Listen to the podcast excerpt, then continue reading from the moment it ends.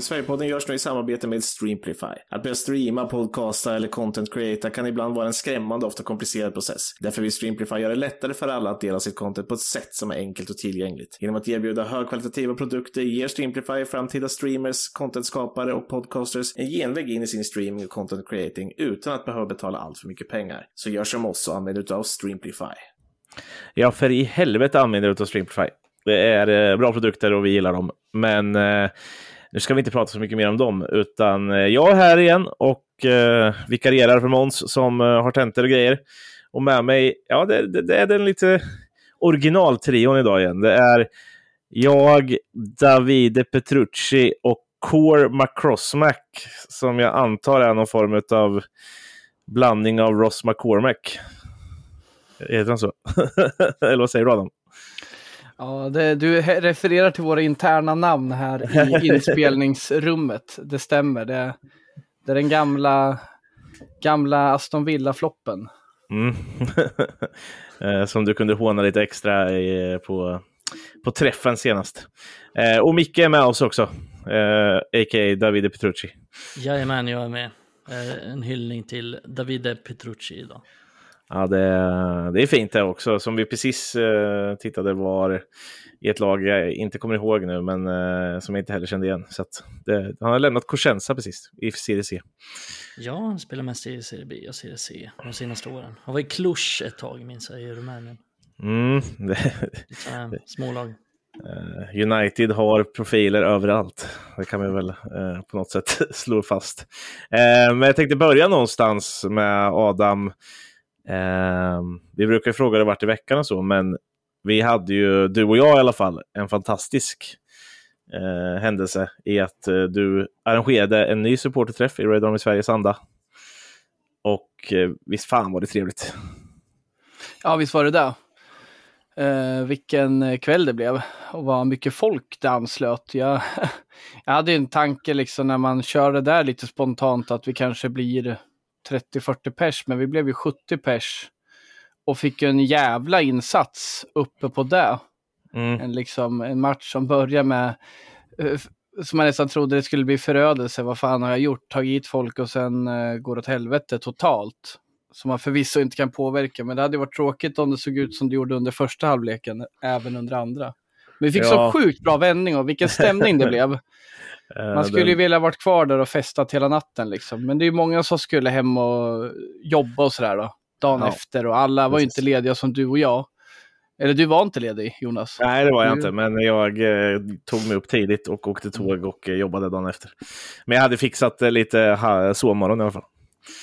Det var sjukt trevligt och bra snack. Kul quiz från Fredrik. Ja, eh, bra quiz. Och eh, återigen, matchen var, den var toppen. Ja, alltså det går ju svårt att slå det eh, just i... Eh, nu får Adam besök i sitt rum. Vann du, vann du inte quizet? Jo, jag vann faktiskt quizet ihop ja. med... Eh, Därför tycker det var kul. ja, precis. Med en av Adams, Adams kompisar. Ja, men tack, tack.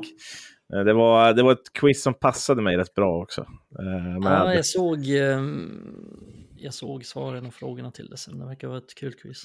Ja, mm. ja, men just det här att gissa gamla karriärer och sånt där. Eller veta vart folk har försvunnit iväg och så. Mm. Det, det, det, är väl något som står mig eh, nära hjärtat. Det är kul. Uh, så att, ja, det, det, var ett quiz som passade mig. Uh, helt enkelt. Uh, och, vi, det är så tacksamt att ha sådana här träffar också, för liksom alla har ju bara kul. Man behöver egentligen inte ens ha något quiz, man behöver egentligen bara sitta och prata. Nu var mm. quizet skitkul, men det jag vill komma till att det är så jävla roligt bara att få se, så man märker att folk vill träffas.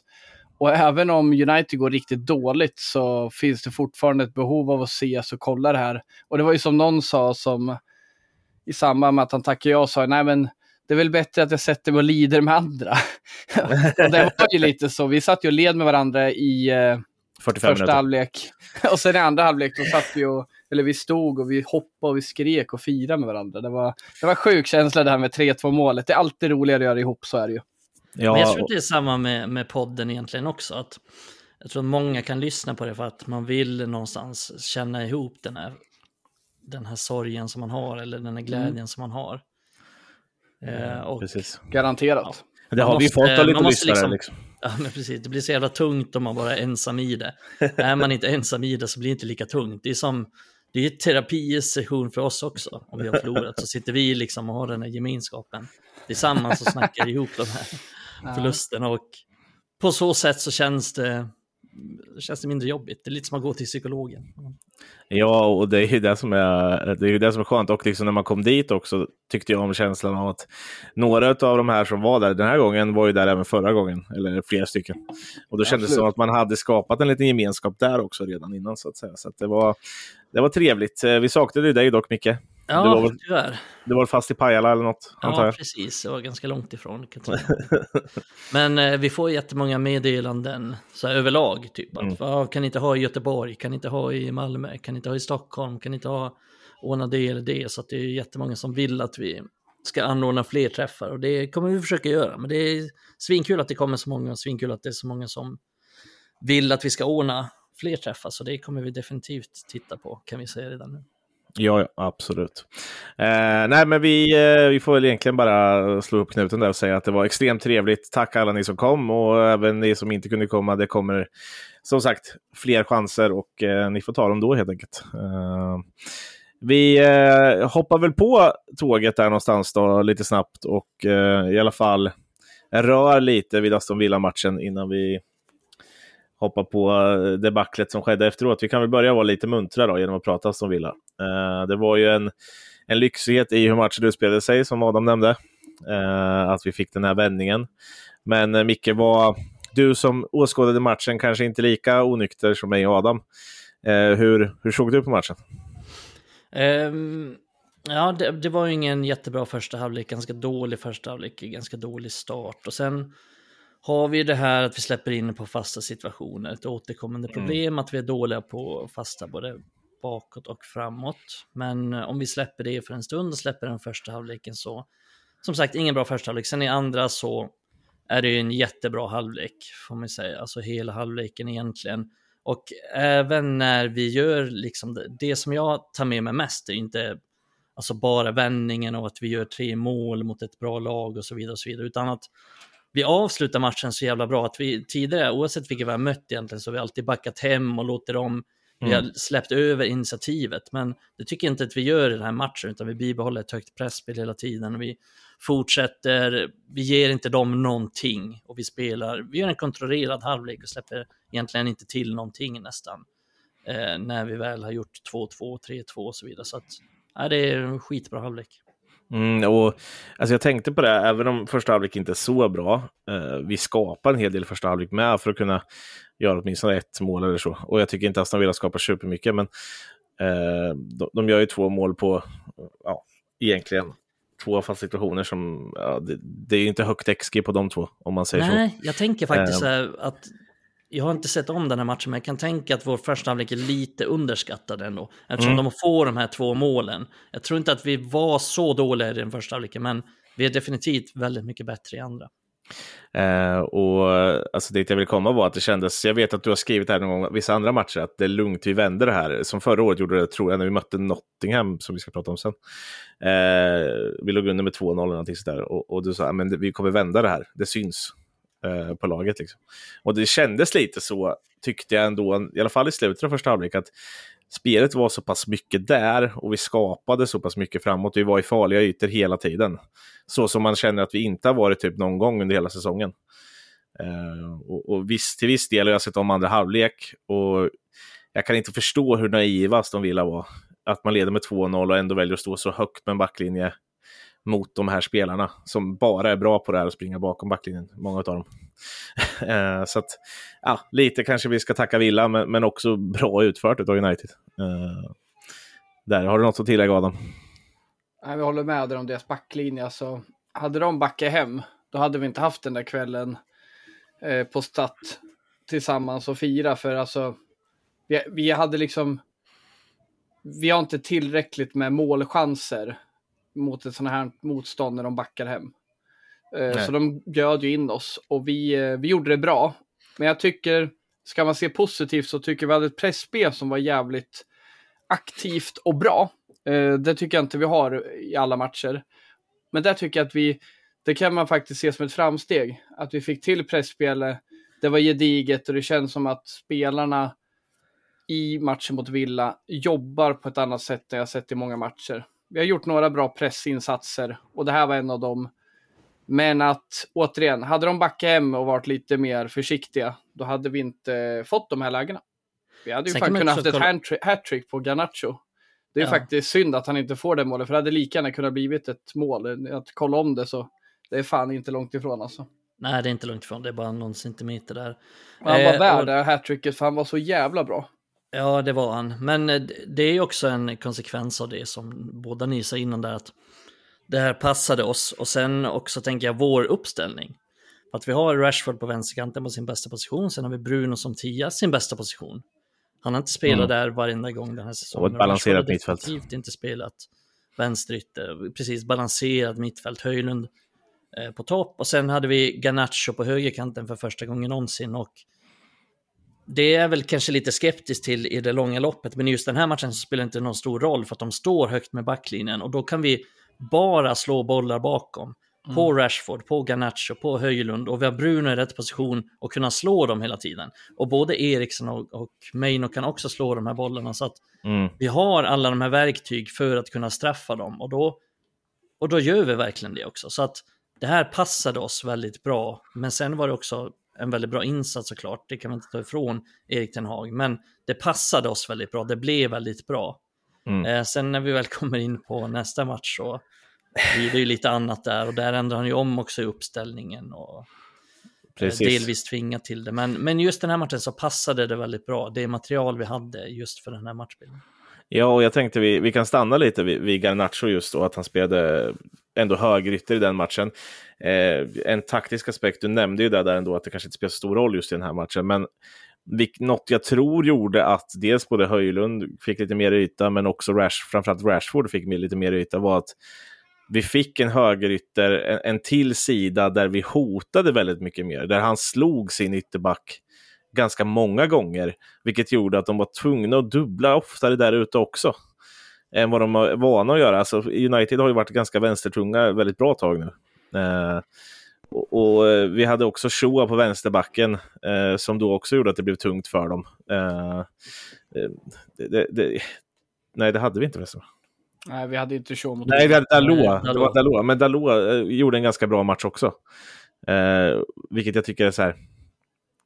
Det, det gör så mycket när vi får två sidor som levererar. Och, och vi har ju inte sett det från Anton i år. Vi har inte sett det från någon på högerkanten egentligen i år.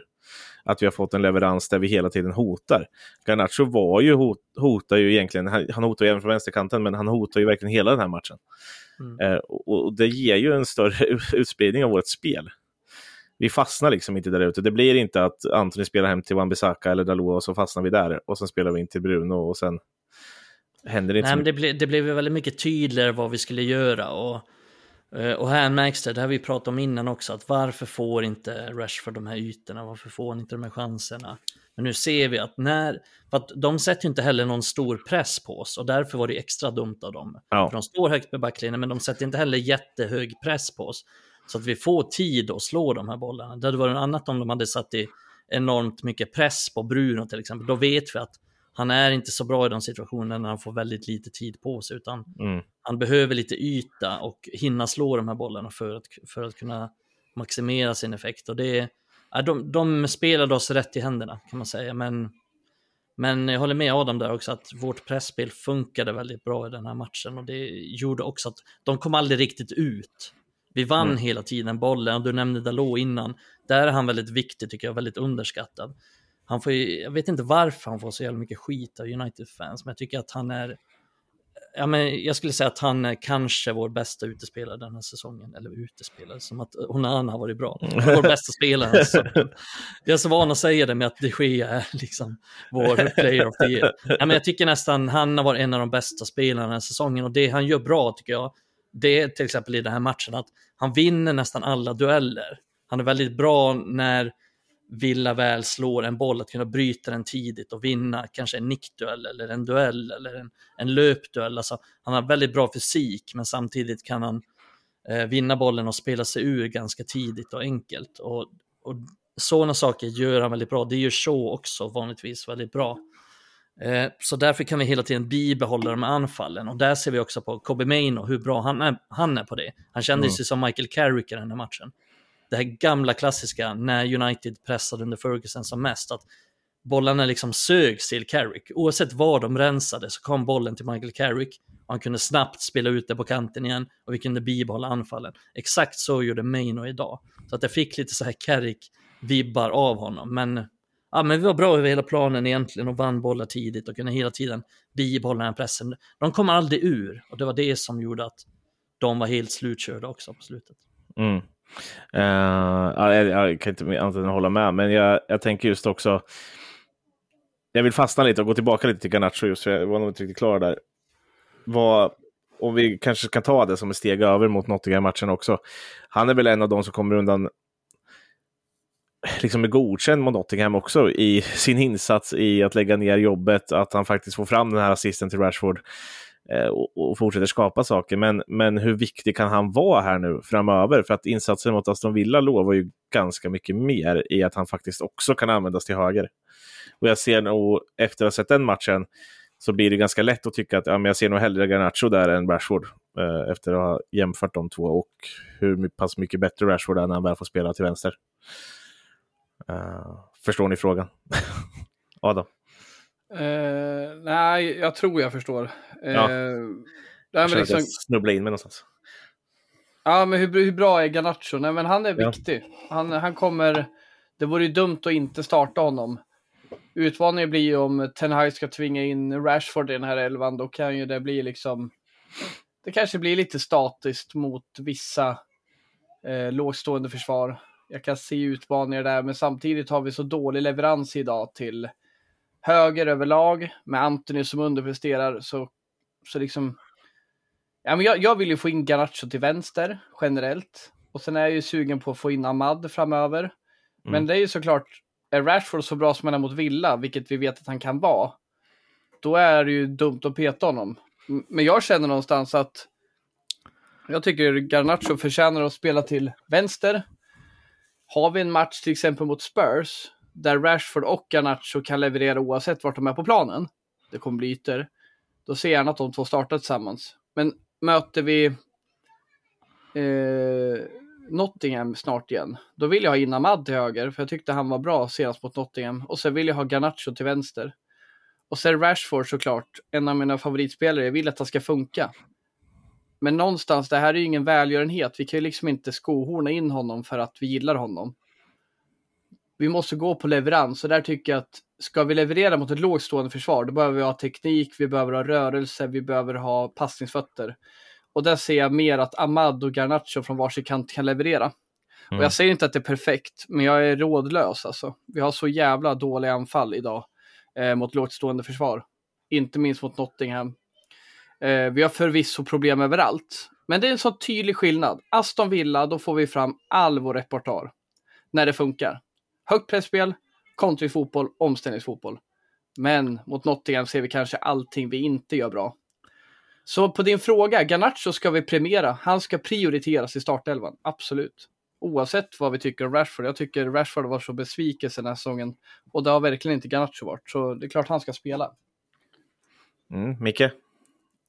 Ja. Tveksam om jag skulle peta Rashford för Garnacho. Jag skulle nog välja Rashford för i dagsläget tror jag. Men det är ganska jämnt ändå. Och jag håller med Adam där, möter vi Spurs... Är det efter en match mot Villa du, du utgår från ja, det? Ja, men han har de här topparna som... Den här säsongen? Inte riktigt har. Ja, men ändå till exempel när, när det väl funkar och Eh, och så, så tror jag att han är ett bättre alternativ. Eh, jag ser ändå att Ganacho är lite bättre när han väl kommer in och kan göra den skillnaden, men att han ibland kan fastna lite i matcher. Men eh, möter vi Spurs till exempel, då ser jag hellre så som vi avslutar mot Villa, att vi har Rashford på vänsterkanten och Ganacho på högerkanten. Men jag håller nog med, möter vi Nottingham så är jag lite sugen på att se en Ahmad-typ till höger och sen kanske Rashford till vänster. Men jag skulle nog inte vara helt oäven ändå och se liksom att det gick så pass bra mot Villa, så jag skulle ändå vara lite spänd på att se det i en match mot till exempel Nottingham Forest. Att Rashford är på vänsterkanten och Garnacho på högerkanten. Att vi får till exakt den, den offensiva trion eller den Jag tror det är där vi kommer fyran. spela. Det är där vi kommer få se. I Ja, januari och februari. ja, Ja. Det, var, det var spännande att se i alla fall. Jag är inte säker på att det funkar, men jag hade varit spänn, spänd på att se den då. Men är det inte jävligt, och, och nu kan vi väl gå över till det som, som sen skedde i, i- i Nottingham då på något sätt. Att, eh, då såg vi Antoni där.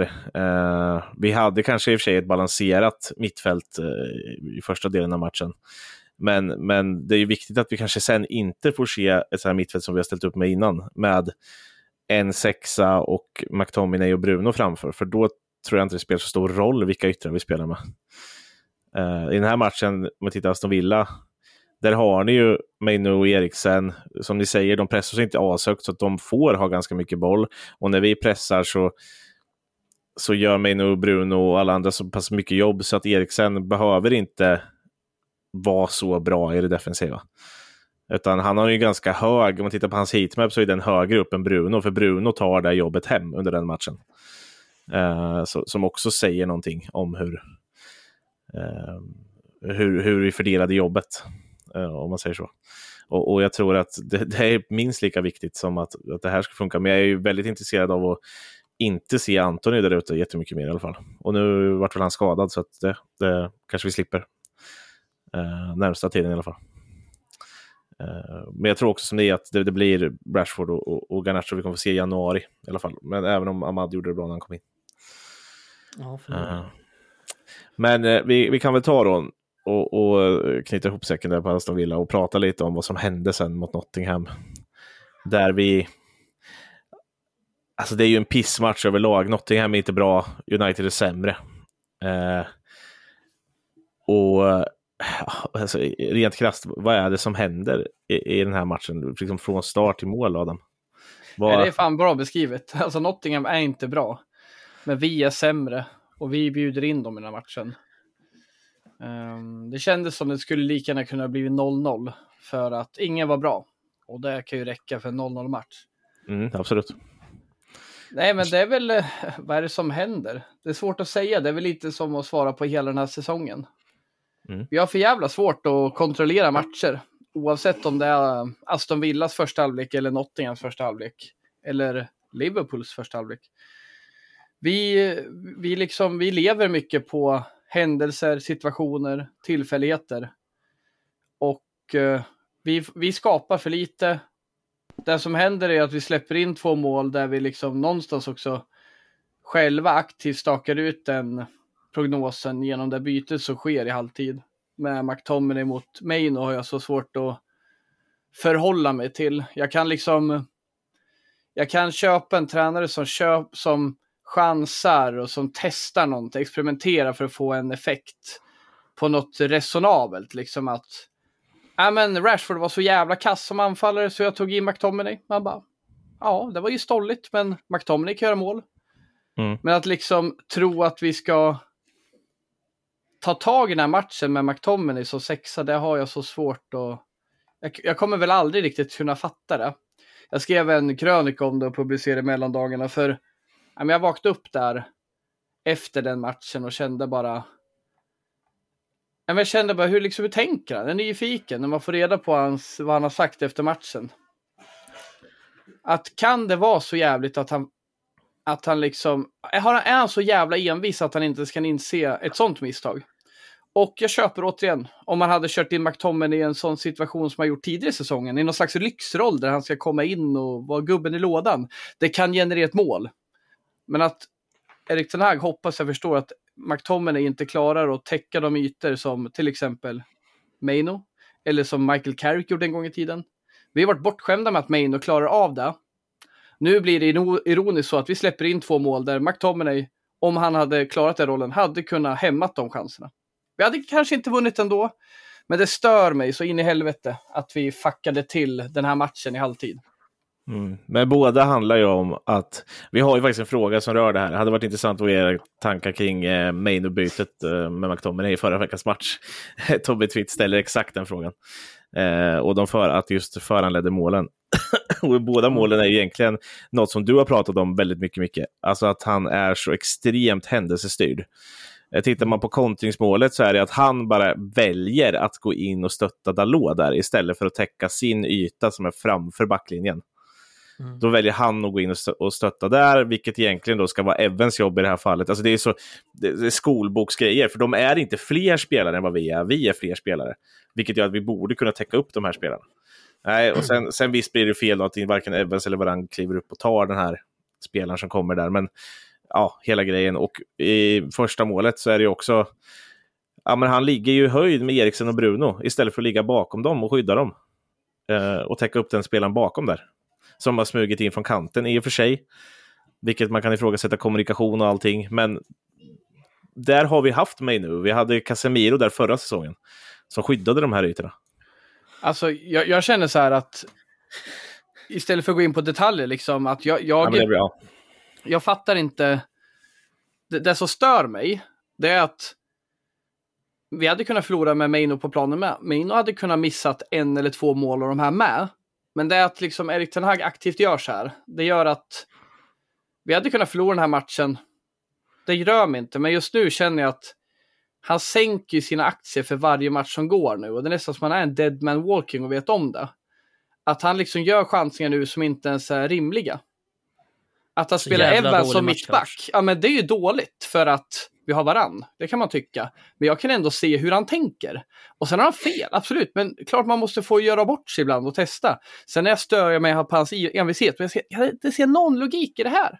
Och det är väl liksom, vi har väl sett det förr med tränare som ligger i sig till att de börjar göra grejer som de kanske inte riktigt ens tror på. Börjar till exempel satsa på spelare de inte tror på. Men det jag stör mig framför allt är den här envisheten. Som är talande för hela säsongen. Han går envist in med att Varann ska bänkas. Eller att McTominay ska spelas hela tiden. Eller att eh, vi ska köra AVB som högerback. Fan vet jag. Det finns grejer som... Eller vänta nu. Mount med Casemiro. Det tog ett tag innan han inte fattade. Han hade kunnat kört det fem matcher till typ om inte Mount hade skadat sig. Mm. Okej att han försöker, men det är så konstigt. Alltså, jag köper inte logiken med hans jävla tankar alltså.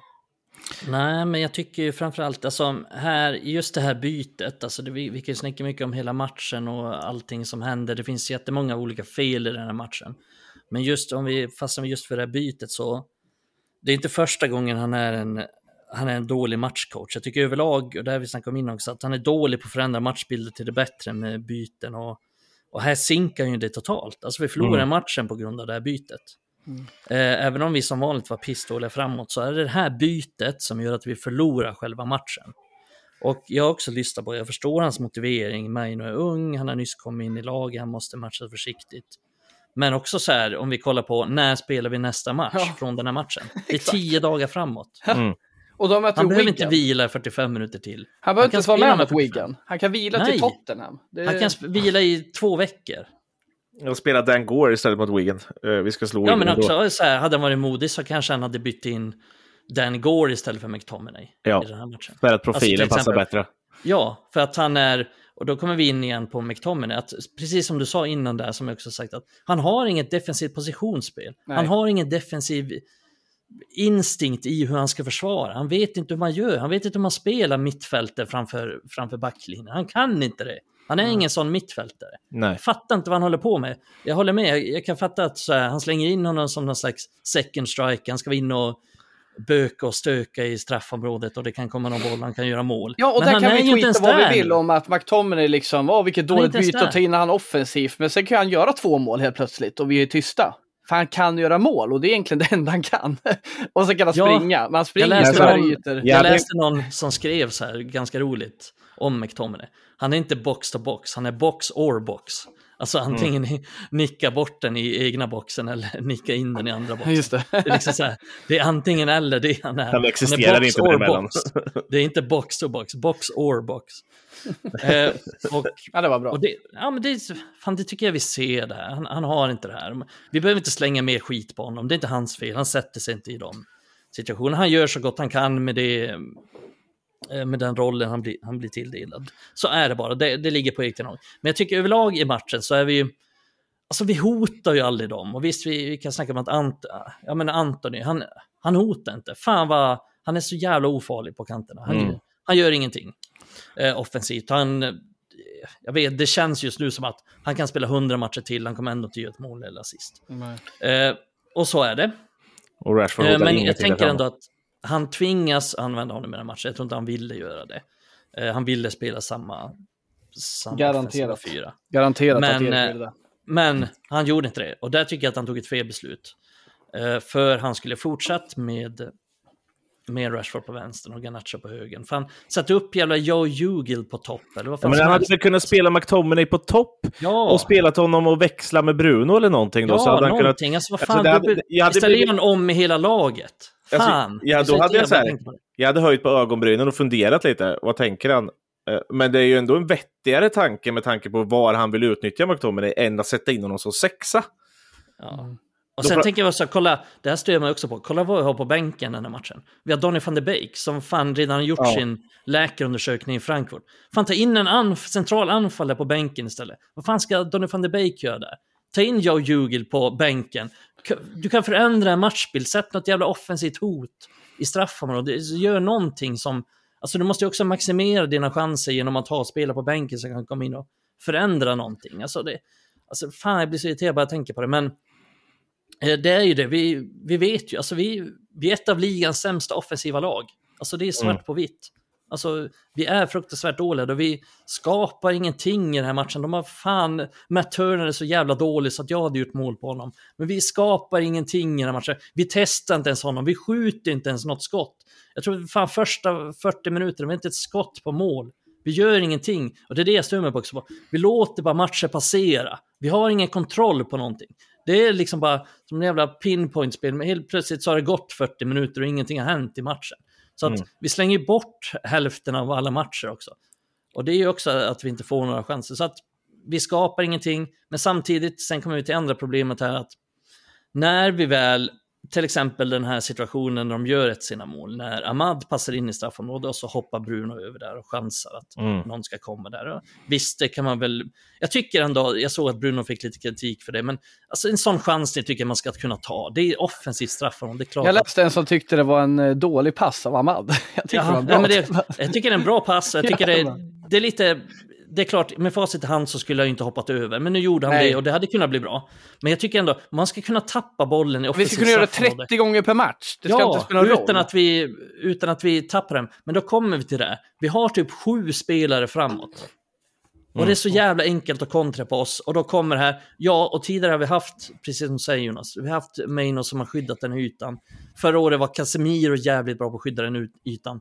Men, men nu har vi inte det. Vi har släppt in vad är det, 10-11 stycken sådana här cutbacks snett inåt bakåtmål den här säsongen. Och det är ingen slump och det handlar inte heller om eh, vem som spelar, för att oavsett vilka som spelar så har vi släppt in de mål. Det är bara Maino som inte har varit inne på sådana här eh, cutbacksmål, utan alla andra så har det skett med. För att vi har inte varit bra på att skydda den ytan. Och sen är vårt lag jävligt långt för att vår backlinje står väldigt långt ner, vi fyller på med många spelare framåt.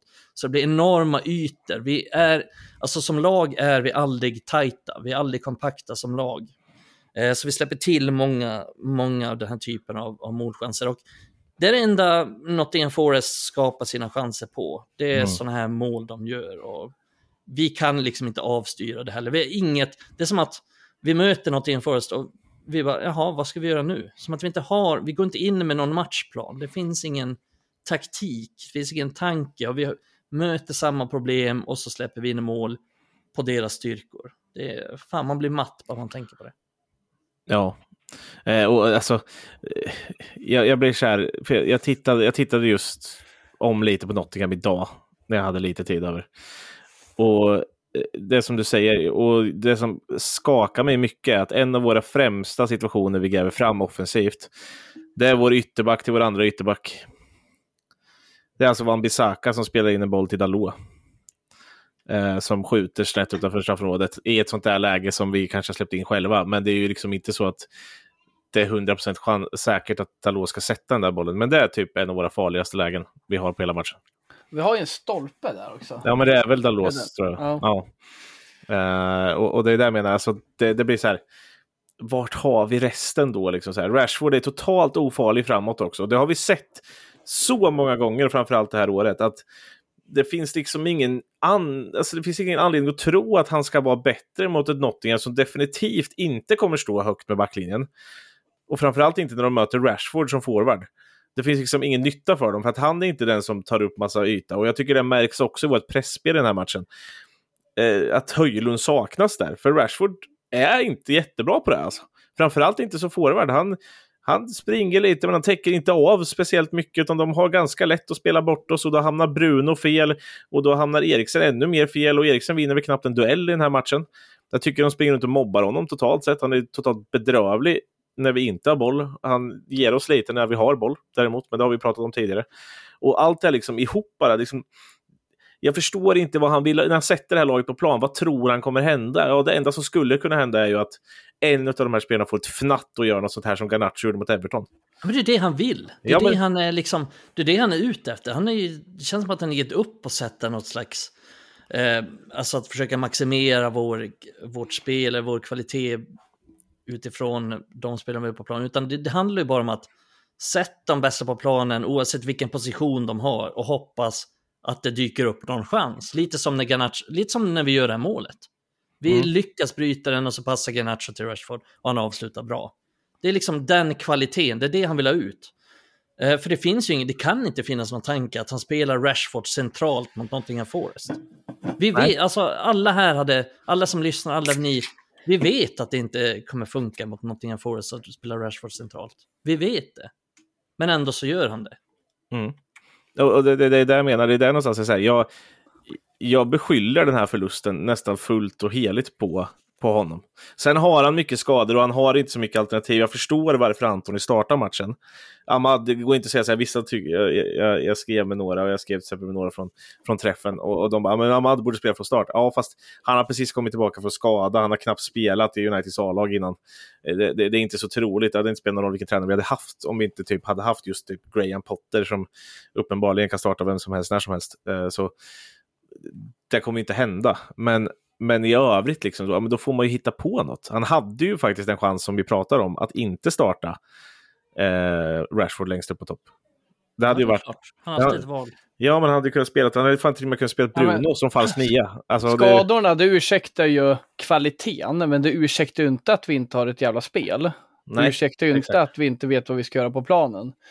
Det var en av våra följare som kommenterade något liknande på Facebook. Jag tyckte det var så jävla bra sagt att det kan vi faktiskt ursäkta att vi inte har en bra målskytt i den här matchen centralt för att vi har Rashford som passar bäst till vänster. Joe Ugil kanske inte har vågat satsa på, okej okay, liksom. Men vi kan ju inte, vi kan inte återigen ursäkta oss för att vi inte har ett spel, för att vi inte skapar tillräckligt, att vi inte hotar. För de offensiva spelarna, det är ju de han alltid haft. Han har ju aldrig haft skador där. Eh, eller aldrig, nu tar jag i. Men det är ju mittfält och backlinje. Backlinje kan man ju förstå att han har svårt att sätta en alla är ju skadade liksom mer eller mindre. Men anfallet, han har haft hur mycket tid som helst att laborera och testa. Men det har bara därför han har blivit sämre än förra säsongen. Ja, oavsett vad så är det fan inte okej okay att vi har gjort färre mål än Luton. Alltså vi har det, förlorat nio matcher den här säsongen i ligan. Oavsett hur man vrider och vänder på det så mm. går det inte att skylla det på spelarmaterial eller skador, mm. utan det, det är bara, alltså, det är bara låga förväntningar alltså. Jag, jag förväntar mig inte att vi ska fan vinna liga, förväntar mig inte mycket, men förväntar mig underhållande fotboll och att vi skapar chanser och hotar. Mot mm. Villa hade vi jävligt kul när vi såg andra halvlek, för de skapade oss de möjligheterna och vi levererade på dem. För det kunde ju vara så att Aston Villa hade en hög linje och vi inte ens kunde slå bollarna i djupet. Vi gjorde det enligt den förväntan vi har.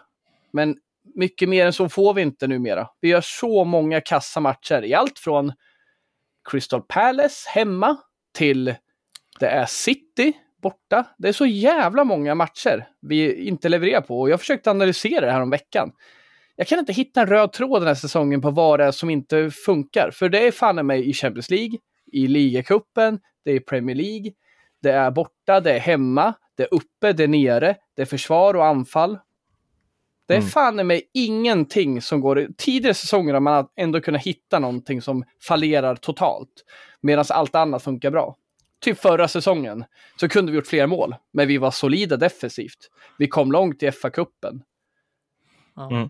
Ja, ja, alltså då, då spelade Vi spel- utvecklade våra befintliga spelare. Minns ni hur Exakt. dåliga spelare Erik Ten Hag tog över? Som helt plötsligt var hur fantastiska.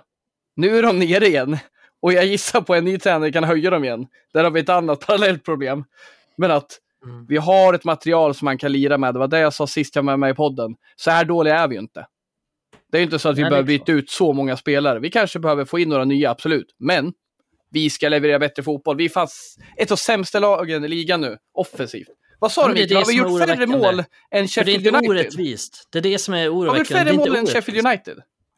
Det är väl de enda vi har gjort mer än, tror jag. Det är det enda laget vi... Precis. Det är enda- Ja, det är så det är. Och vi har Luton framför oss. Ja. Men, nej, men det är helt otroligt att det är det som är det sjuka att visst, ja, alltså några fler mål skulle vi gjort. Där har vi väl varit lite ineffektiva. Men, men överlag, liksom så här, det är inte orättvist att vi ligger där vi ligger. Det är inte orättvist att vi har förlorat nio matcher. Det är inte orättvist att vi har, att vi är ett mittel. Det är inte orättvist att vi har minus fem i målskillnad. Det är helt rimligt utifrån det vi har sett den här säsongen. Och det är det som är så jävla oroväckande. Det hade varit annat om det var bara, ja men vi ligger sjua, ja men fan vi har haft lite otur. Vi skulle ha vunnit den och den matchen, vi skulle ha haft det och det, vi skulle ha gjort mycket fler mål och nej fan vi åkte på tio stolpe in bak, baklänges mål de sista tio. Men det har inte varit så. Det här är fullt, fullt rättvist det vi ser. Och det som, är, det som jag tycker är mest oroväckande det är att ja, men jag tror snarare att det kommer bli värre än att det kommer bli bättre. Det är det som oroar mig. Att, fan, jag, jag tror snarare att inget som Du ändrar. Vi tror att vi kan få tillbaka ett gäng spelare nu i januari och att det blir sämre? Nej, jo, jag tror inte att, eller sämre, alltså, Jag pratade med en kompis med det, om det igår. Och han blev förvånad när jag trodde vi skulle komma sexa. Han bara, tror det går så bra? Men jag tänker Mm. det så här, om man tittar på lag vi möter.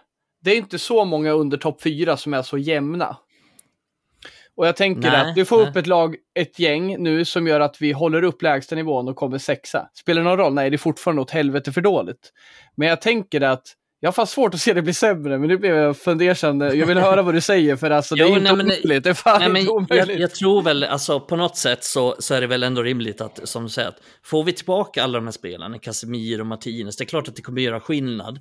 Och det är klart att det kan göra att vi, att vi kommer till någon sjätteplats, speciellt också när, alltså kollar vi på våra konkurrenter, alltså inte ens de som leder ligan och ligger tvåa, liksom, de är inte heller så jämna.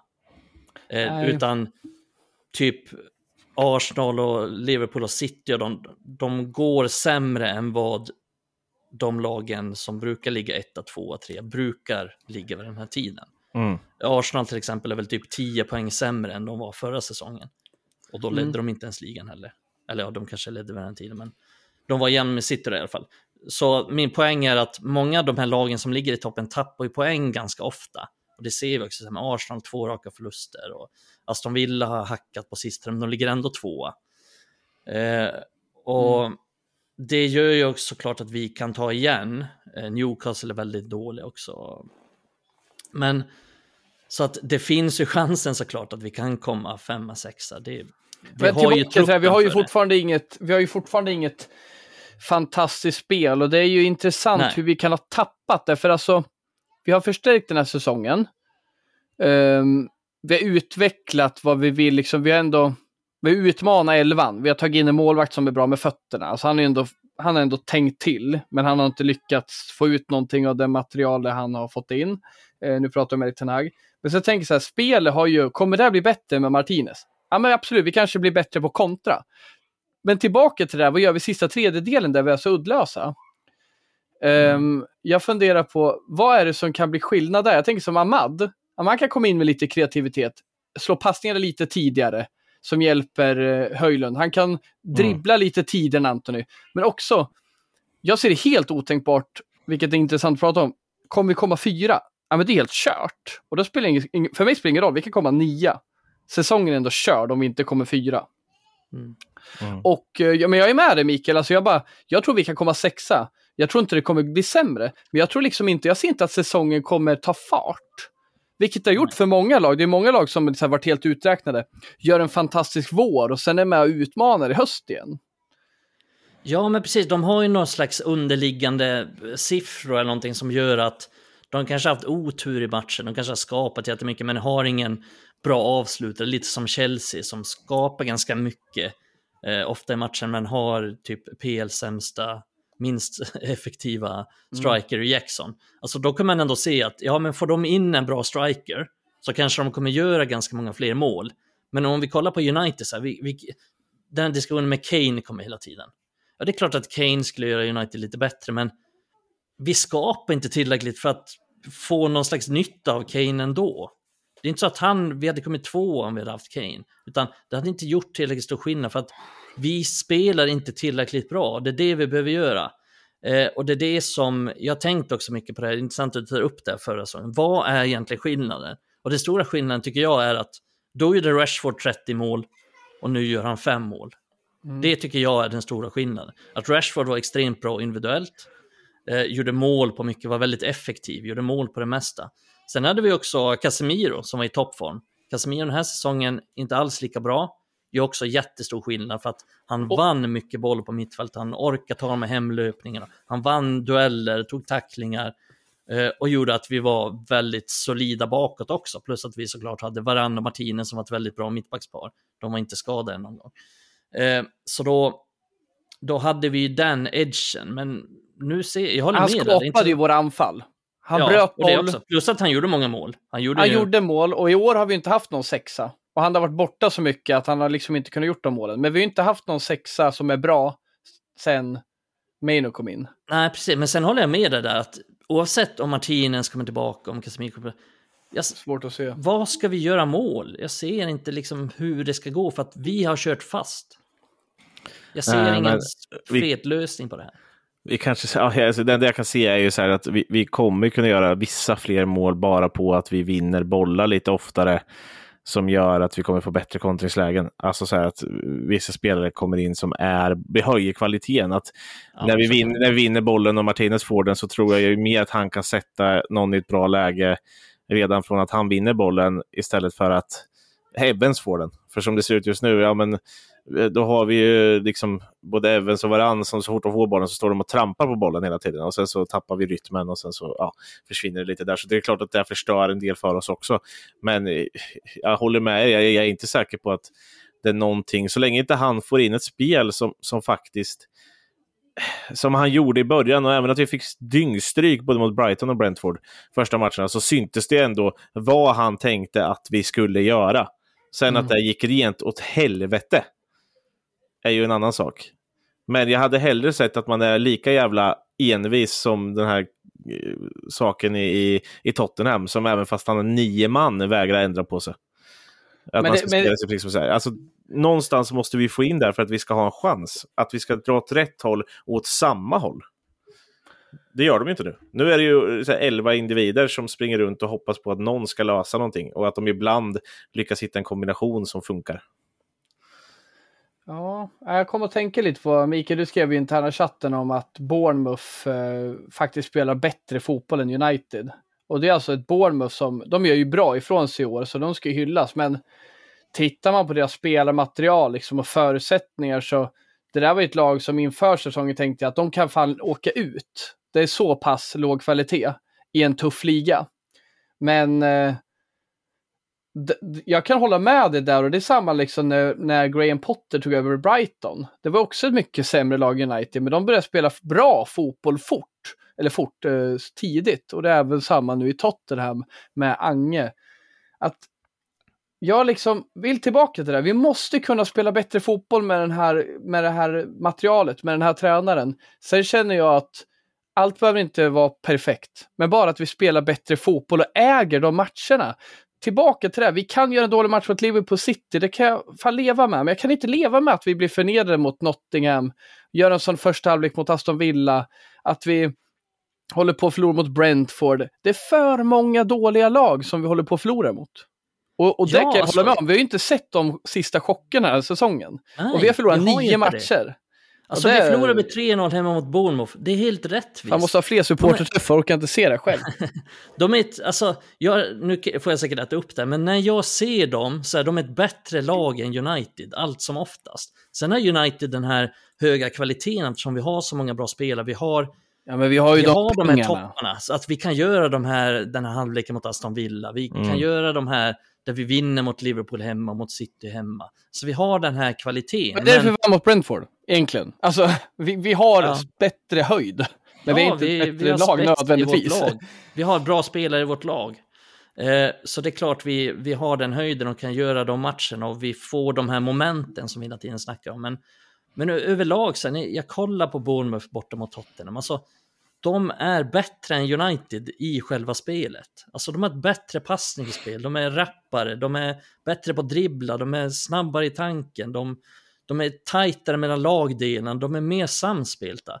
Jag, alltså varje gång jag ser United så tänker jag på, det finns inga relationer mellan de här spelarna. Hur många gånger har vi inte sett typ så här Anton försöker klacka och Dalot bara fattar ingenting vad som händer. För att de har ingen relation mellan varandra. Jag tycker det är så jävla konstigt. Det är som att det här laget aldrig tränar tillsammans. Mm. Det finns liksom ingen kemi mellan någon spelare. Och hela tiden så här, vi har snackat om det tidigare också med så här, Höjlunds relation med Garnacho, eller Höjlund med Anton, eller Höjlund med Rashford. Det finns inget samarbete mellan spelarna på planen. Det är det som jag tycker är så jävla märkligt. För alla andra lag har det. Alla andra lag har någonting, de har någon slags kemi, någon gemenskap, någon tanke, någon... De har en, en enhet som sitter ihop, men United Men har tillbaka inte. till det här med kulturen, alltså den är inte bra och det är ju det jag har ursäktat Erik Ten Hag för. Han har fått hantera så extremt mycket ärenden som han inte ens ska behöva hantera med fotbollsspelare som tjänar så jävla mycket, privilegierade människor. Men han har behövt gjort det och därför har jag kunnat ursäkta honom för att han har behövt fokusera på så mycket andra saker än att utveckla vår taktik. Men det här är så fundamentalt också med kulturen tror jag. Jag tror liksom inte jag tror fan inte man trivs och spelar i den här klubben i mångt och mycket. Jag tror inte man trivs med varandra. Och framförallt är jag säker på att man känns inte som att man trivs med varandra. Det känns ytligt bara hela tiden. Det känns som att man ofta är grinig på något beslut. Det är liksom inte den här riktiga kärleken. Sen kan jag säga ibland att vi liksom firar järnet, men fan han hade ju inte gjort det efter en vändning. Det vore konstigt om vi inte gjorde det. Men jag håller med dig Mikael, jag tror fan det. Det är ingen liksom, det har varit så här länge. Och vi spelar för varandra snarare än för laget och vi spelar fan inte för våra kollegor heller. Jag läste det här om Garnacho och Höjlund. Jag tror genuint på att de försöker hitta varandra. Men det känns ju inte heller som man har märkt av. Men att de skulle inte ens behöva säga att de försöker hitta varandra. Det skulle ju bara vara så jävla naturligt. Nej, precis. Alltså, de är inte... De hänger inte kvar efter matcherna eller efter Nej. träningarna och snackar med varandra. Har, vi har Ja, blivit, det är det som är med kulturen. Vi är en sån här kultur att Ska man jämföra med Ange, jag, jag gillar inte han på något vis. Han har blivit så jävla äcklig på att han är så älskad och allting. Men fan, jag tror det är någonting han har gjort där. Att fan, här gör ni jobbet tillsammans, eller ska ni dra åt helvete? Det är någonting sånt han har sagt som gjort att man fan lyssnar och gör jobbet. Ja, Sen men han är också det tydlig. Han, har, han är också tydlig, han sätter det här spelet så oavsett vilka som spelar så ska vi spela på det här sättet. Så att alla som kommer in vet exakt vilken roll de har och vad de ska göra. Det, det är lätt att följa upp den leveransen. Det blir inte godtyckligt visst. då. Visst. För nu kommer Men, in eh, United och gör precis som man själv vill i sin egna roll. Typ. Ja, men, men jag är lite där med just så här, relationen mellan Garnacho Höjlund. Det är ändå så här, efter matchen mot Villa så blir ju de intervjuade. De verkar ändå gilla varandra så här genuint. Det tror jag med. Garna- Garnacho säger ju fan att han älskar honom. Ja. Alltså så här, jag tror inte att det är någon så här dålig stämning mellan någon i truppen, utan jag vet inte riktigt vad det beror på, utan det handlar bara om att vi har inte lyckats sätta någon, någon relation eller något tydligt Jag tror inte heller att det liksom är så tror att att man inte gillar varandra. bara. Men jag tror liksom inte, det finns ingen anledning till att vilja hjälpa varandra. Mer än att man, det står i ens kontrakt. Nej, Mm. kanske inte.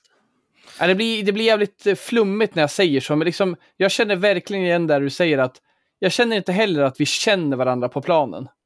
Och sen, Ah, jag vet inte fan. Jag tycker, tittar man bara på hur vi gör, vi ska gå på för poäng, vi ska göra vårt mål. Det är liksom, titta på Brighton eller Tottenham återigen. De måste spela sig fram. I det här laget, då är det kanske till och med så att man blir gynnad av att ta ett eget anfall, ett eget beslut. För att det finns ju ingen tydlighet i hur vi ska spela. Det ska slå inlägg eller skjuta. Mm. Men hur och när vi gör det, det får ni ta reda på själv. Jag sa det innan den här säsongen. Det är dags att tygla Bruno. Jag hoppades att eh, Ten Hag skulle göra det. Han låter ju Bruno köra på precis som vanligt, som förr. Och det är inte det vårt största problem, men det är ett långsiktigt problem. Att han som är nyckeln, som är vår lagkapten, ska vara nyckeln i det här spelet. Men vi fortsätter ju vara där vi var under Solskär. Antingen är Bruno en fantastisk match, eller så gör han en platt match. Antingen så är han uppe till vänster eller höger eller överallt eller ingenstans. Mm. Han behöver ju tygling. Och jag tror liksom, den som kommer ta tag i Bruno, han kommer nog fan peta honom oftare. Det är där som kommer bli att ta tag i Bruno. För jag tror ingen kommer komma in och förändra den här spelaren till en vä- värderande spelare som följer instruktioner. Tror jag inte. En av våra bästa insatser fortfarande det här året är ju Crystal Palace i kuppen eh, oavsett om vi möter ett svagt Crystal Palace. Men spelmässigt, och då spelade inte Bruno Fernandes. Eh, Inte Rashford heller. Inte Rashford heller. Det var, det var ganska många som inte spelade. Sen mötte vi Palace hemma i ligan och hade det Mm. bästa laget vi kunde ha. Jag tror det var bara typ Martinez som var borta. Jag tittade, jag såg den live. Och det var den sämsta matchen i år. Eller förlåt, en av våra 15 sämsta matcher i år. Och då hade vi alla spelare på planen tillgängliga. Så vi kommer tillbaka till det. Vi har Bruno som kanske inte är helt fantastisk alltid. Och vi har fan i mig inte ett problem med att vi saknar spelare. Vi har haft bra spelare under säsongen tillgängliga. Mm. Ja, så är det. Ja, vi ska wrappa upp den här diskussionen lite i alla fall eh, och titta vidare framåt. Eh, men först eh, tar vi en liten paus.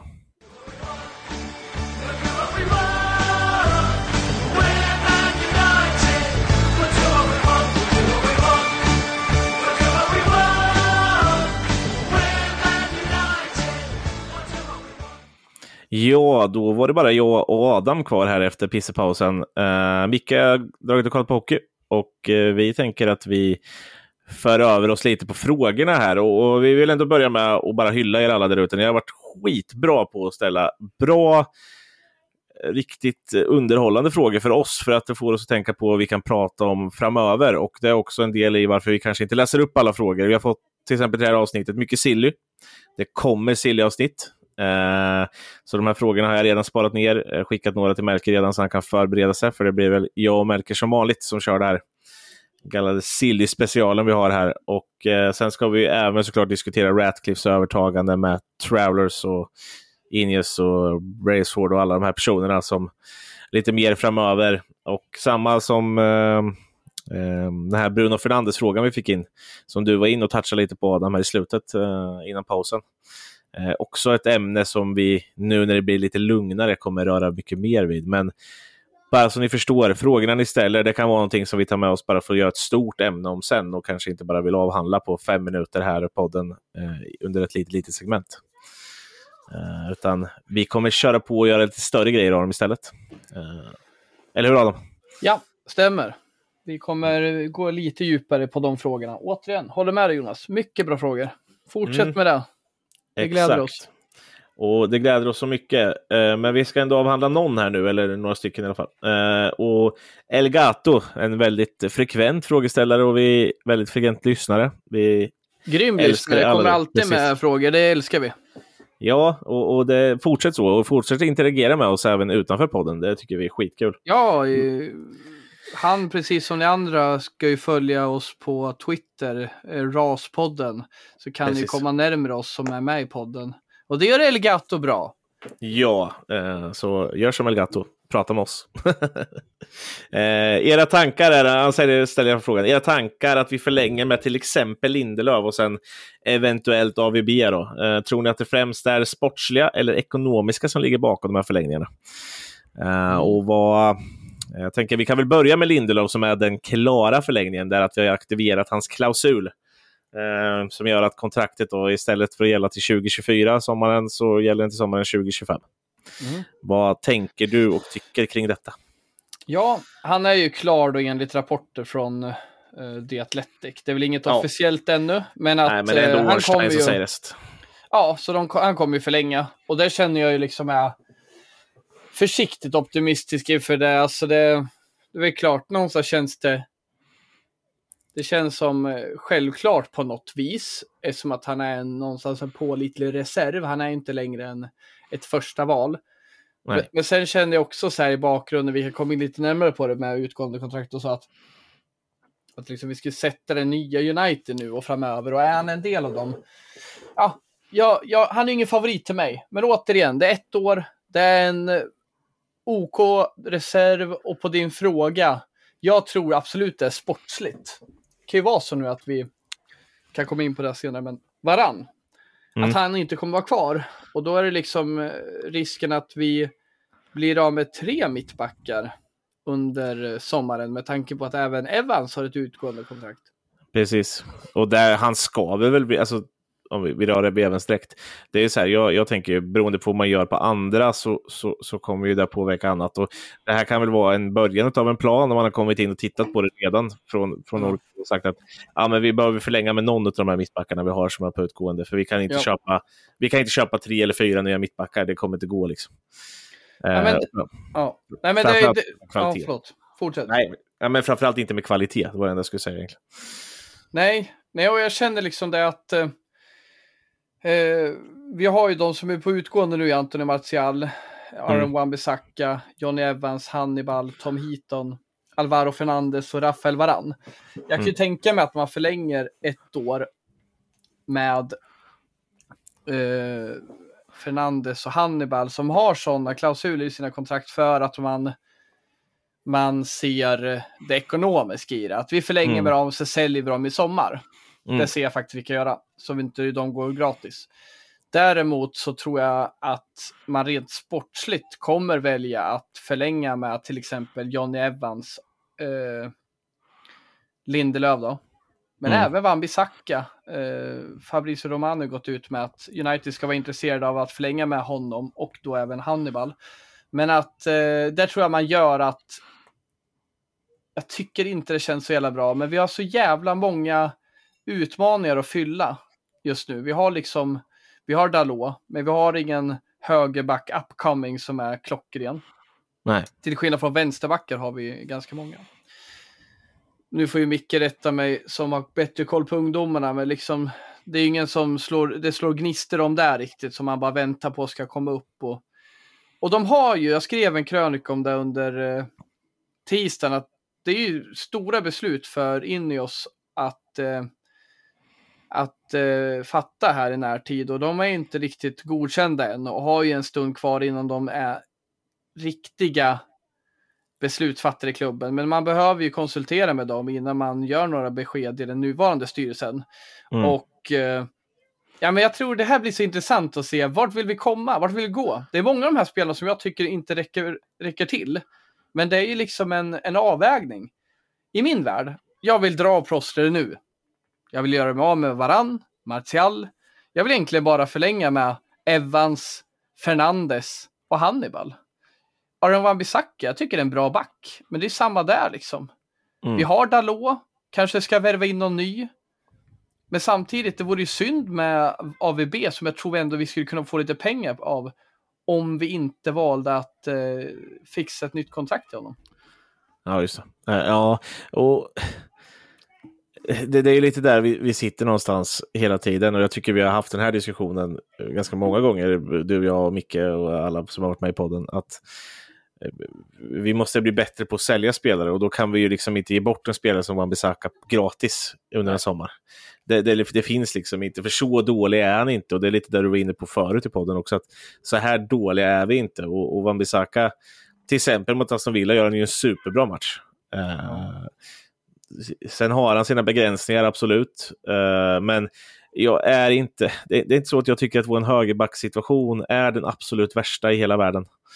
Uh, det, det, det, är inte så att varenda klubb sitter på bättre högerbackar än vad vi gör uh, totalt sett när vi, sitter, när vi säger att vi har Dalot och Wan-Bissaka. Sen så har de olika styrkor och är olika bra, men rent sportsligt så är det klart, både sportsligt och ekonomiskt så ska vi förlänga med Wan-Bissaka. Vi kan inte släppa honom gratis. Nej, jag tycker att Hannibal, Wan-Bissaka och eh, Fernandes, de mm. borde vi förlänga med ett år. Och sen tycker jag vi ska sälja Fernandes och Wan-Bissaka i sommar. Hannibal vet jag inte. Han kanske vill sälja, men jag gillar honom och jag tror ändå vi har inte sett det bästa av honom än. Martial mm. och Varann dock, ingen framtid för dem i den här klubben. Varann eh, går att argumentera för att han är vår bästa back i mångt och mycket, men han är alldeles otillgänglig. Han har, sitter på en hög lön och där tycker jag liksom inte att han är så bra. Och eh, nu vet jag att det finns Mm. olika uppgörelser i hans kontrakt, hur mycket han spelar och så vidare. Men, men att vi måste ändå allokera de pengarna till honom nu och det är bättre vi gör till, tycker jag, en bättre framtidsspelare. Jag skulle Mm. till och med vilja vrida det till att inte förlänga med Lindelöf. Om jag får Mm. tycka. Han är ju där redan kört så att säga. Men jag tycker där, där borde vi gå vidare. Att vi, vi satsar på de mittbackarna vi har i Martinez, Maguire, vi har Evans. Men att sikta på nya mittbackar där. Och, och värva dig i sommar. Men återigen, Lindelöf, det känns ju som, det är ju inte ett dåligt beslut. Det är en, det är en bra reserv, men jag tycker liksom inte, vi kommer inte få ut så mycket mer av honom. Det är ganska likgiltigt, det är ganska mellanmjölk liksom. Ja, men i så fall skulle det varit för att alltså jag kan ju ändå tänka att det finns ju ingen som helst plan på att vi ska köpa tre nya backar. Så säg att man släpper Evans och Varann och Lindelöf. Ja, men då hade det varit i så fall pappret att vi skulle flytta upp så att Kambala till exempel, nu tar jag bara hans namn, Mm. blir permanent i A-laget som en fjärde mittback. Och det är Eh, synd med en, en till skadedrabbad mittback. Men Ja, ja, Ja, men du fattar vad jag menar. det är så Alltså, det skulle vi- kunna vi, bli, säger- absolut. Vi kan säga Will Fish då, att han kommer Mm. tillbaka från Hibernian. Mm. Jag vet inte hur hans kontraktssituation ser ut exakt, men ja. Men det är här därför jag tror man väljer sportsligt då, återigen, Ja. att eh, förlänga med Lindelöf för att det är för få säkra alternativ. Lindelöf kommer inte ta oss till nya höjder, men han är ändå en pålitlig back som Mm. kan leverera i United i många matcher. Och sen är inte han eh, tänkt som första val tror jag. Men Martial och Varann, de måste väck. Och där jävlar kan vi få öre loss alltså till eh, framtida budgetar. Mm. Ja, för att alltså sista förlängningen med Martial som gjordes då, då fick han ju en jävla köttig lön han med alltså. Som han Mm. suttit, suttit och pillat ut när han har legat i rehabrummet. Uh, alltså det, eh, det är patetiskt att tänka på hur många Ja, gånger men vi har de tillsammans, de eh, tar ju upp typ fyra högsta klassiga spelares löner. Alltså Ja, ja. tillsammans. Och, och de spelar knappt. det är så sjukt. Nej, Nej, det, Framförallt det, Martial är ett problem. Som eh, skapar egentligen noll värde för den här klubben idag. Varann, han är ju liksom en frustration för han är bra men han är inte tillgänglig. nej. eh, och Martial, det- han är inte ens bra längre och han är inte tillgänglig. men Varann kanske inte ens får spela, även fast han är tillgänglig med tanke på hur det ser ut just nu. Eh, och där vi, vi nämner inte ens, om vi bara tar varann och mittbackssituationen, så nämner vi inte ens att jag är inte säker på att även om vi har kvar Ten Hag eller får in en ny tränare så är det inte säkert att de vill ha kvar Maguire. Men han kanske har spelat till sig tillräckligt mycket okej nu för att man skulle kunna få ut en liten summa för honom i Ja. sommar. Att det faktiskt finns en annan klubb som skulle kunna vara intresserad med tanke på hur han har presterat i år. Ja, men Maguire Eh. tycker jag är liksom en sån här spelare. Ska vi, ska vi bli ett bollinnehavsinriktat lag i framtiden? Då ska inte han vara där. Det tycker inte jag heller. Och då känner jag att han ju verkligen spelat upp sig nu så att vi ska kunna få en vettig peng. Där vi kunde ha fått i somras borde vi kunna få ännu mer nu. För att han har gjort Mm. en bra säsong. Och eh, visat att han är en bra Premier League-back. Mm. Sen kan alla tycka vad de vill, att han är värdelös och grejer. Men det är han ju inte. Han är ju däremot inte den, den mittbacke vi behöver för att ta nästa steg Exakt. i den här klubben. Och tyvärr, det är väldigt många i vår trupp som eh, inte likt Maguire har den förmågan tror jag. Mm. Eh, Wan-Bissaka kanske är en sån också, men däremot så ser jag att är prompt kanske viktigare att fylla på på mittfält och mittback och forward än ytterback eh, just i det här tillfället. Så är det ju. Så är det ju. Ja, mittfältet kommer bli jättejobbigt eh, om vi inte får in någon som kan, eh, någon pålitlig bredvid Meino. Alltså Casemiro, han kommer ju inte vara bättre nästa år. Nej, jag tror inte. Jag tror också det är en spel som kan försvinna i sommar. Eh, med Han kan tanke på... försvinna i januari, ta mig fan. Det är liksom, Ja, man vet fan inte. eh, Och Det, det, är ja, så sjukt med den här januari. Jag tror inte vi kan vänta oss så jävla mycket som kommer in, men det kan nog fan rassla ut lite. Beroende Ja. på om rätt bud kommer. Precis, och jag tänker att det här har helt att göra med vad, vad de kommer in med för tankar. Alltså, det, det har ju varit lite så här, ja, men eh, Ratcliffe har väl lite öppet också kritiserat Uniteds transferstrategi och eh, lite där var väl värvningen av Casemiro en sån eh, del eh, som, som fick sig en törn. Just Mm. där att värva äldre spelare som, som högst troligt kommer gå ut för och att det inte håller i längden. Och lite, alltså så här, så att, han har ju gjort många av de här misstagen med Nice. Eh, och det är inte förrän nu de har faktiskt hittat någonting som funkar. Eh, så att han kommer, det är ju så här, vi får ju in någonting där som jag tror, beroende på vad de tänker, så får vi se lite vad som händer. Och sen så ska det såklart finnas intressenter också. Men jag tänker att Saudiarabien har ju inte varit, varit sena på att värva äldre brassar innan här nu. Så att Exakt. de kan väl säkert punga upp en, en pengapåse även för honom. Ja, de måste ju fortsätta leverera sitt varumärke med glansiga förvärv. Exakt, och det kan väl vara vår räddning i, i några av de här fallen. Nu jävlar Eh. fick jag upp här under sändning från David Ornstein. Borussia Dortmund Ja, är i det- samtal om, med Jadon Sancho. Men herregud, om ett lån. Oj, Ja. oj, oj. Så trött på dessa lån, men jag är trött på den här gossen med. Hoppas han drar. Ja, men han kommer ju dra. Det är också en spelare som vi kommer bli av med eh, på något sätt. Eh, eh, och där kan man kanske svälja, svälj summan, ta den summan vi kan få och sen går vi därifrån. Bara någon tar lönen, för den är också hög. Mm. Eh, och det är också en sån här skillnad med som har pratat om innan, typ med om man bara ska prata kontrakt och så. McTominay till exempel sitter på en ganska låg lön. Framförallt i United-mått mätt. Mm. Eh, och, och därför så är han ju säkert en spelare som alltid blir kvar bara därför. Det finns liksom ingen...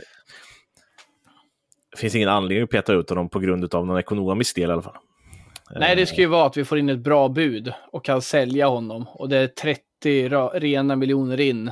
Ja. Inga avskrivningar liksom. Det, Och varför man kan behålla han. Det är med historiskt Jonas, så jag tycker liksom det är ett sunt resonemang.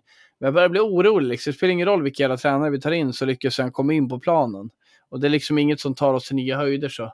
Det skulle samtidigt vara skönt att slippa honom, men när man kom, tänker på FFP och allt vad fan det heter nu med ekonomiska restriktioner så är det nog fan bra att ha en sån spelare som reserv. Mm. Och det är lite samma med många andra spelare som ja, med Hannibal. Det är väl en okej reserv med tanke på hans lönesituation och att Mm. det är en OK-spelare. Men sen att vi behöver fortsätta skölja ur de här överbetalda, mediokra lirarna som till exempel, ja men Donny är en sån, skapar inget värde för oss. Ingen jättelön, men han skapar inget värde och då är han dyr, bara att han finns. Sen har vi ju Antonio Martial. Mm. Och vi har ju liksom hållit på med det här nu en treårsperiod. Ole börjar någon slags utrensning och bara fortsätter. Och Jadon Sancho är nästa steg. Förhoppningsvis nu om vi lånar ut honom kan vi också sälja honom. Få en bra slant. Tvivlar på det, här, tror vi kommer rea bort honom. Känns inget bra. Nej, och det... Men det, alltså det är också så här, vissa uh, losses får man ju ta och Jadon Sancho har ju blivit en sån, eh, till exempel, där man bara får ta förlusten någonstans. Det, de, han, han har gjort sig omöjlig i, i United-kretsar nu. Det, det liksom finns, jag kan inte se att det finns en väg tillbaka om det inte är så att ja, men vi byter tränare, vi förlorar Nej, stort det på finns ingen väg tillbaka. Ja, men, alltså, det, men det skulle vara det enda. Och sen att det kommer in någon som verkligen älskar honom och får fart på honom från match ett. Så. Men jag tror att han försvinner. Som tillåter att han kommer sent, tänker du eller? Ja, men typ. Jag, jag, men jag tror att han försvinner till... Ja, men Dortmund vore väl ett alldeles ypperligt alternativ även för honom att gå tillbaka till. Eh, så att eh, någonstans så får man bara acceptera det och, och för vad det är. Och, och sen får vi tacka och säga hej då. Lite som man fick göra med Ronaldo också. Man hade hoppats på att det skulle bli en bättre återkomst. Men det blev som det blev och han mår ju ganska bra borta i Saudi nu. Så att Mm det, det är nog bättre för alla. Eh, så man får bara släppa de där grejerna. Eh, vi kan väl också, med tanke på förlängningar, kom också nu. Eh, Laurie Whitwell, Joe Jugill, har eh, skrivit på ett nytt kontrakt fram till 2026 med en option på ett år. Och eh, enligt rapporter ska han också gå på lån till League One eller 2. Så det finns klubbar intresserade. Eh, så att, eh, ja, ännu en förlängning då. Mm. Även om det är en juniorförlängning om man säger. Men han har ändå varit bra på bänken några matcher nu på slutet. Mm. Eh, ja, vi kan väl ta en fråga till som är en lite mer blaj-fråga innan vi, innan vi rundar av dagens avsnitt. Eller blaj-fråga, men vem vinner interna skytteligan efter vi har summerat säsongen? Ja. Oskar Waldenäs, vår gamle Mm. bekant, är som har ställt den. Oj då. Eh, jag tror det blir... Eh, jag tror fan det blir Garnacho någonstans. Jag tror han kommer fortsätta leverera. Och eh, så då. Eh, har Mm. lust att säga Höjlund, men det känns som att han har lite att ta igen där. Ja, men det beror på hur man räknar. Eh, För att, jag, jag tänker att det beror på hur man räknar. Det står inte efter, det står inte skytteliga i Premier League och då ligger, alltså ska man ta totalt så ligger Höjlund fortfarande rätt bra till. För att han gjorde Ja. ju ändå fem baljor i, i Just det, det är CL. sant. Det är sant. Eh, så det var li- lite så jag res- resonerade. Ska jag bara säga seger Nacho i alla fall. Eh, Ja, och då säger väl jag Höjlund då, bara för att jag vill tro det. Jag vill ju att han ska komma igång och göra eh, fler mål. Eh, och och eh, vi har ju fortfarande inte fått se hans fortsatta reaktion på hans första Premier League-mål efter Aston Villa. Så sitter jag och hytter med näven i luften och bara försöker jaga på honom. Som det här aset på TikTok som eh, har bytt från Liverpool till United bara för att han tydligen ska vara lik Höjlund. Inte för att jag ser det, men... Eh, han- Ja, han har bytt från hålla på Liverpool till United för att Höjlund... Ja, nej, märkligt. Eh, men så är det. Eh, och ja, hoppas Oskar är nöjd med den. Eh, jag kan inte säga hur många mål de kommer göra. Jag tror Garnacho kanske slutar på mellan 8, 9, 10 mål i slutet av säsongen. Kan nog hända, för det är han som gör målen. Så att Höjlund Ja. kanske där någonstans också. Totalt sett. Och vi har vi ändå FA-cupen kvar att spela också, så de kommer säkert peta in någon där.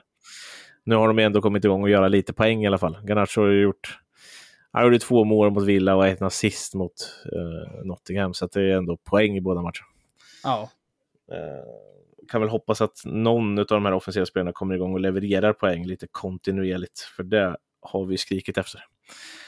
Men du Adam, jag känner mig väl ganska nöjd för idag. Det är ju jag med. Ja, och jag tror att ni där ute eh, är nöjda också med vad vi pratat om. Men vi vill ändå be er, vill ni komma i kontakt med oss som sagt mer på eh, utanför som Elgato som vi pratade om. Eh, skriv till Raspodden. Eh, tagga oss i något Twitterinlägg eller vad som helst.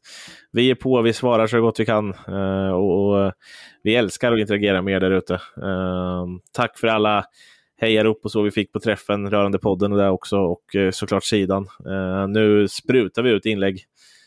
Eh, så att eh, det finns mycket tid för oss att skriva om andra saker än bara matcher nu också när de tonas ut lite. Vi har ju inte så mycket matcher under januari. Så eh, tackar vi för idag. Jag tackar dig Adam. Eh, vi tackar själv, Micke som är på ho- hockey. och så hörs vi nästa vecka när eh, vi är tillbaka. Dels med Silly vet jag, eh, men även eh, ett vanligt avsnitt. Och då tror jag Måns har tentat klart så att han, han är tillbaka då med. Eh, och på återhörande. Bye bye.